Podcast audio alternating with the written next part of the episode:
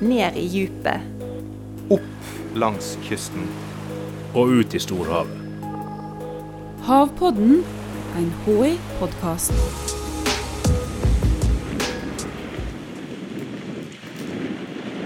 Vi er på 83 grader nord, godt inne i tjukk is. Forskningsskipet Kronprins Haakon bryter seg gjennom islaget. Skipet er på sitt første tokt sommeren 2018, og havforsker Randi Ingvaldsen er toktleder. Men det er langt ifra Randi sin første tur opp i isødet. Jeg begynte å reise opp der på midten av 90-tallet. Eh, det var en del av utdanningen min. Men da, da eh, jeg, tok jeg utdanning på Kongsfjorden, altså denne fjorden der som Ålesund ligger. For det var jo et uh, område det var mye fokus på da. Så begynte jeg på havforskningen, og på begynnelsen av 2000-tallet så hadde vi tokt uh, på vestsiden av Svalbard.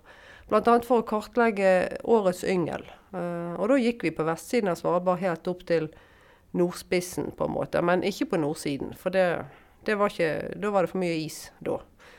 Uh, og så, siden 2014, så har jeg da vært på årlige tokt nord av Svalbard. Og lenger nord og opp i isen. Så samla sett så har du vært om lag 25 år i isødet på tokt, da? ja, ikke hele tiden, men ja. på et vis. Hvordan er det å, å være på tokt så langt nå? det er utrolig spennende fordi at eh, det er så annerledes enn her. Eh, annerledes enn Bergen, selvfølgelig, med, med, is og kaldt vann og goldt og sånn. Så er det jo kjempespennende å være på tokt i det hele tatt. Det er et helt spesielt eh, miljø å være på tokt. Fordi du er på en båt gjerne, og du er et eh, visst antall mennesker å forholde deg til så er det jo noen utfordringer helt klart knyttet til is. Altså det å faktisk å være i is. Én ting er jo at båten kan gå i is, uh, men båten er i drift 24 timer i døgnet. Så folk jobber seks timer, og så har de fri i seks timer når de sover, og så jobber de seks timer igjen, og så går det døgnet rundt. Så det er alltid noen som sover. Og hvis båten skal bevege seg gjennom is, så bråker det. Det, det foregår ikke stille. Det er veldig mye lyd. Uh, og det er ikke noe fin lyd heller. Den er ganske ubehagelig. Fordi at det, det skraper i skroget og alt mulig sånn. Så det er jo en, veldig sånn praktisk utfordring er at når du hele tiden kjører båt i is, så får ikke folk sove. Og folk må sove uh, for å kunne jobbe. Det er ingen tvil om. Og så er det jo en annen veldig viktig ting, og det, at, og det har egentlig ikke med isen å gjøre, men når du kommer langt nord, så er det ikke nettdekning. Eh, da mister du stort sett internett, eh, vanlig telefon og alt. Eh, selvfølgelig så er det satellittelefon på båten, og det, også båten sine sikkerhetssystemer fungerer jo. Men, men, det som vi har tilgang til, det, det detter ut fordi at du er for langt nord. Så da har du ikke værmelding, og du har ikke iskart. Uh, og det er klart at du er veldig prisgitt naturen der nord. Så det å planlegge og gjøre noe når du verken vet hvordan været er, eller hvordan isen ser ut, bortsett fra akkurat der du ser, det er ganske utfordrende. Det er spennende. Uh, helt klart. I løpet av de 25 åra hun har vært på tokt, har Randi med sine egne øyne sett klimaendringene skje. Jeg tror kanskje det er det mest sånn spennende og, og, skremmende, da. At du ser så, så godt endringene. For dette endrer seg så fort der oppe. Og òg fordi at det er så veldig synlig. Sant? Om is eller ikke is. Og, og om det er temperaturer under null uh, eller over null, så er det så det, det, er liksom sånn enten-eller, føles det litt som. Og da, og da er det grådig spennende å forske på òg. Men i de 25 årene som har gått da, siden du var der første gang, hva endringer er det du faktisk ser? Altså Hva forandrer seg i naturen? Eh, det er mye varmere. Eh, altså mye varmere i havet. Eh, der er mye mindre is. Og så er det arter som, var, som, som før var lenger sør. De har flytta seg nordover.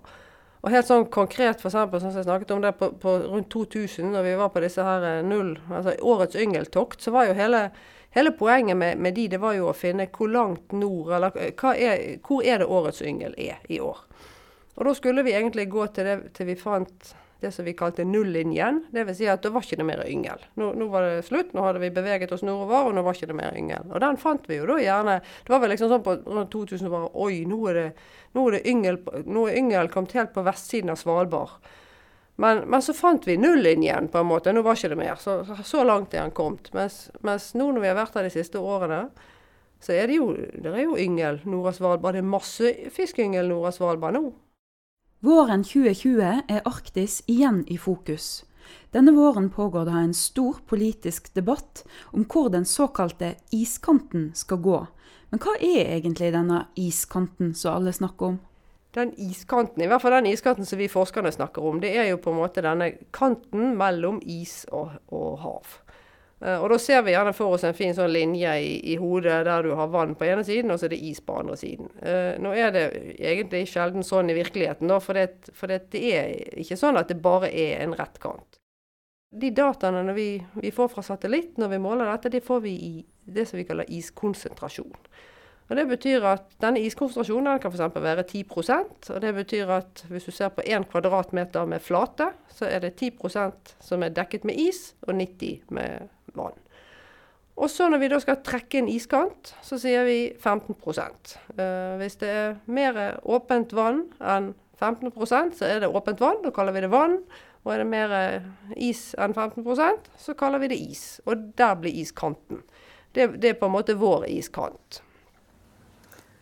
Men hva er forskjellen på den såkalte politiske iskanten og den som dere er opptatt av? Den politiske iskanten er jo egentlig en linje på et kart som skal trekkes for å på en måte avgjøre uh, hvor langt nord i Barentshavet man kan uh, drive med petroleumsvirksomhet. Og denne politiske iskanten er jo selvfølgelig knyttet til den reelle iskanten. Uh, for det, det, er den reelle iskanten som ligger bak. Men samtidig så er det jo en linje som de skal trekke. Som, uh, sånn at, og, og, den virkelige iskanten vil jo bevege seg uh, mot denne politiske iskanten, og kanskje over den innimellom, uansett. klart Virkeligheten forholder seg ikke til denne linjen på kartet. Det gjør han ikke. Og hvem er det som bor i denne iskanten, eller langs denne iskanten? Altså, langs iskanten og nord for iskanten, eh, der er det området som vi kaller iskantsonen. For uh, iskanten er som sagt bare 15% is, og det er ganske, egentlig ganske lite is. Men så blir det mer og mer is nordover eh, før det blir helt is. Altså sånn is, 100% is som du kan vandre rundt på. Eh, men i dette mellomområdet, mens det er liksom mellom 15% is og 80% is, det kaller vi iskantsonen. Og det er egentlig den som er viktig uh, fra vårt perspektiv, for det, det, er der det lever arter som forskjellige isalger. Uh, der er sjøfugl, sel, hval, isbjørn selvfølgelig, som er jo velkjent, og fisk òg, polartorsk. Så det er en del arter som lever der, som er helt avhengig av isen for å, for å leve der. Uh, som selvfølgelig får problemer når det blir mindre is. Men så er det en annen veldig viktig egenskap med denne iskanten. og det er at smelter om, Isen smelter jo om sommeren, og da trekker hele iskanten seg nordover. Uh, og da får du en voldsom sånn våroppblomstring inni, inni dette her eh, systemet som før var dekket av is. Det er egentlig akkurat som våren kommer. Så når våren kommer her, så spretter bjørken og alt, mens der så spretter planktonet i havet, på en måte, da. Uh, og dette her gir masse mat til andre arter som ikke egentlig er avhengig av is i det hele tatt, som f.eks. lodde, eh, masse sjøfugl og sånn. Der er det plutselig masse mat som de kan beite på, og så følger de hele denne smeltende iskanten nordover. Eh, sånn at hele denne iskantsonen er grådig viktig for hele, hele økosystemet i Barentshavet. Den tilbyr på en måte masse mat til andre arter som ikke i utgangspunktet er avhengig av denne isen. Og, og gjør at du får masse energi fra iskantsonen og over i økosystemet til lodde, til torsk, til alle de store artene. Så det er et enormt viktig område. Og hvorfor angår den oss? Hvorfor skal vi bry oss? Vi skal jo bry oss fordi at, uh, nettopp fordi at det er mange arter som lever der. på en måte. Det er, det, er, et uh, matfat for uh, en god del av artene. Alle artene som er helt avhengig av isen, er, er jo der uansett. Men det fører til store endringer, eller det gir stor input til, til uh, økosystemet i Barentshavet. Og det er jo det økosystemet vi høster av òg. Torsken fisker vi masse av i dette området. her, Lodde fisker vi på. Så det, det, er et veldig veldig viktig område for økosystemet, og dermed for oss. Havforskningsinstituttet har overvåka temperaturene i Barentshavet i over 70 år. Og de siste åra har Barentshavet blitt kaldere. Det høres kanskje litt sånn paradoksalt ut uh, med, med, global oppvarming, men det er, det er, altså et faktum at temperaturen i dette området har gått ned de siste fire-fem årene. Får det noe å si for hvor uh, iskanten ligger? Ja, det har eh, stor sammenheng. Altså iskanten, uh, hvor mye is det er i Barentshavet, eh, avhenger i veldig stor grad av hvor mye varmt vann som kommer inn fra sør. Og når det kommer mye varmt vann inn, så trekker isen seg nordover. Og når det kommer lite eller kaldere vann inn, så trekker den seg sørover. Og de siste årene så har det jo temperaturen på vannet gått ned, og da har iskanten trukket seg noe sørover siden 2016. Og hvorfor har Barentshavet blitt kaldere, da? Barentshavet er jo uh, veldig avhengig av dette vannet som kommer fra sør.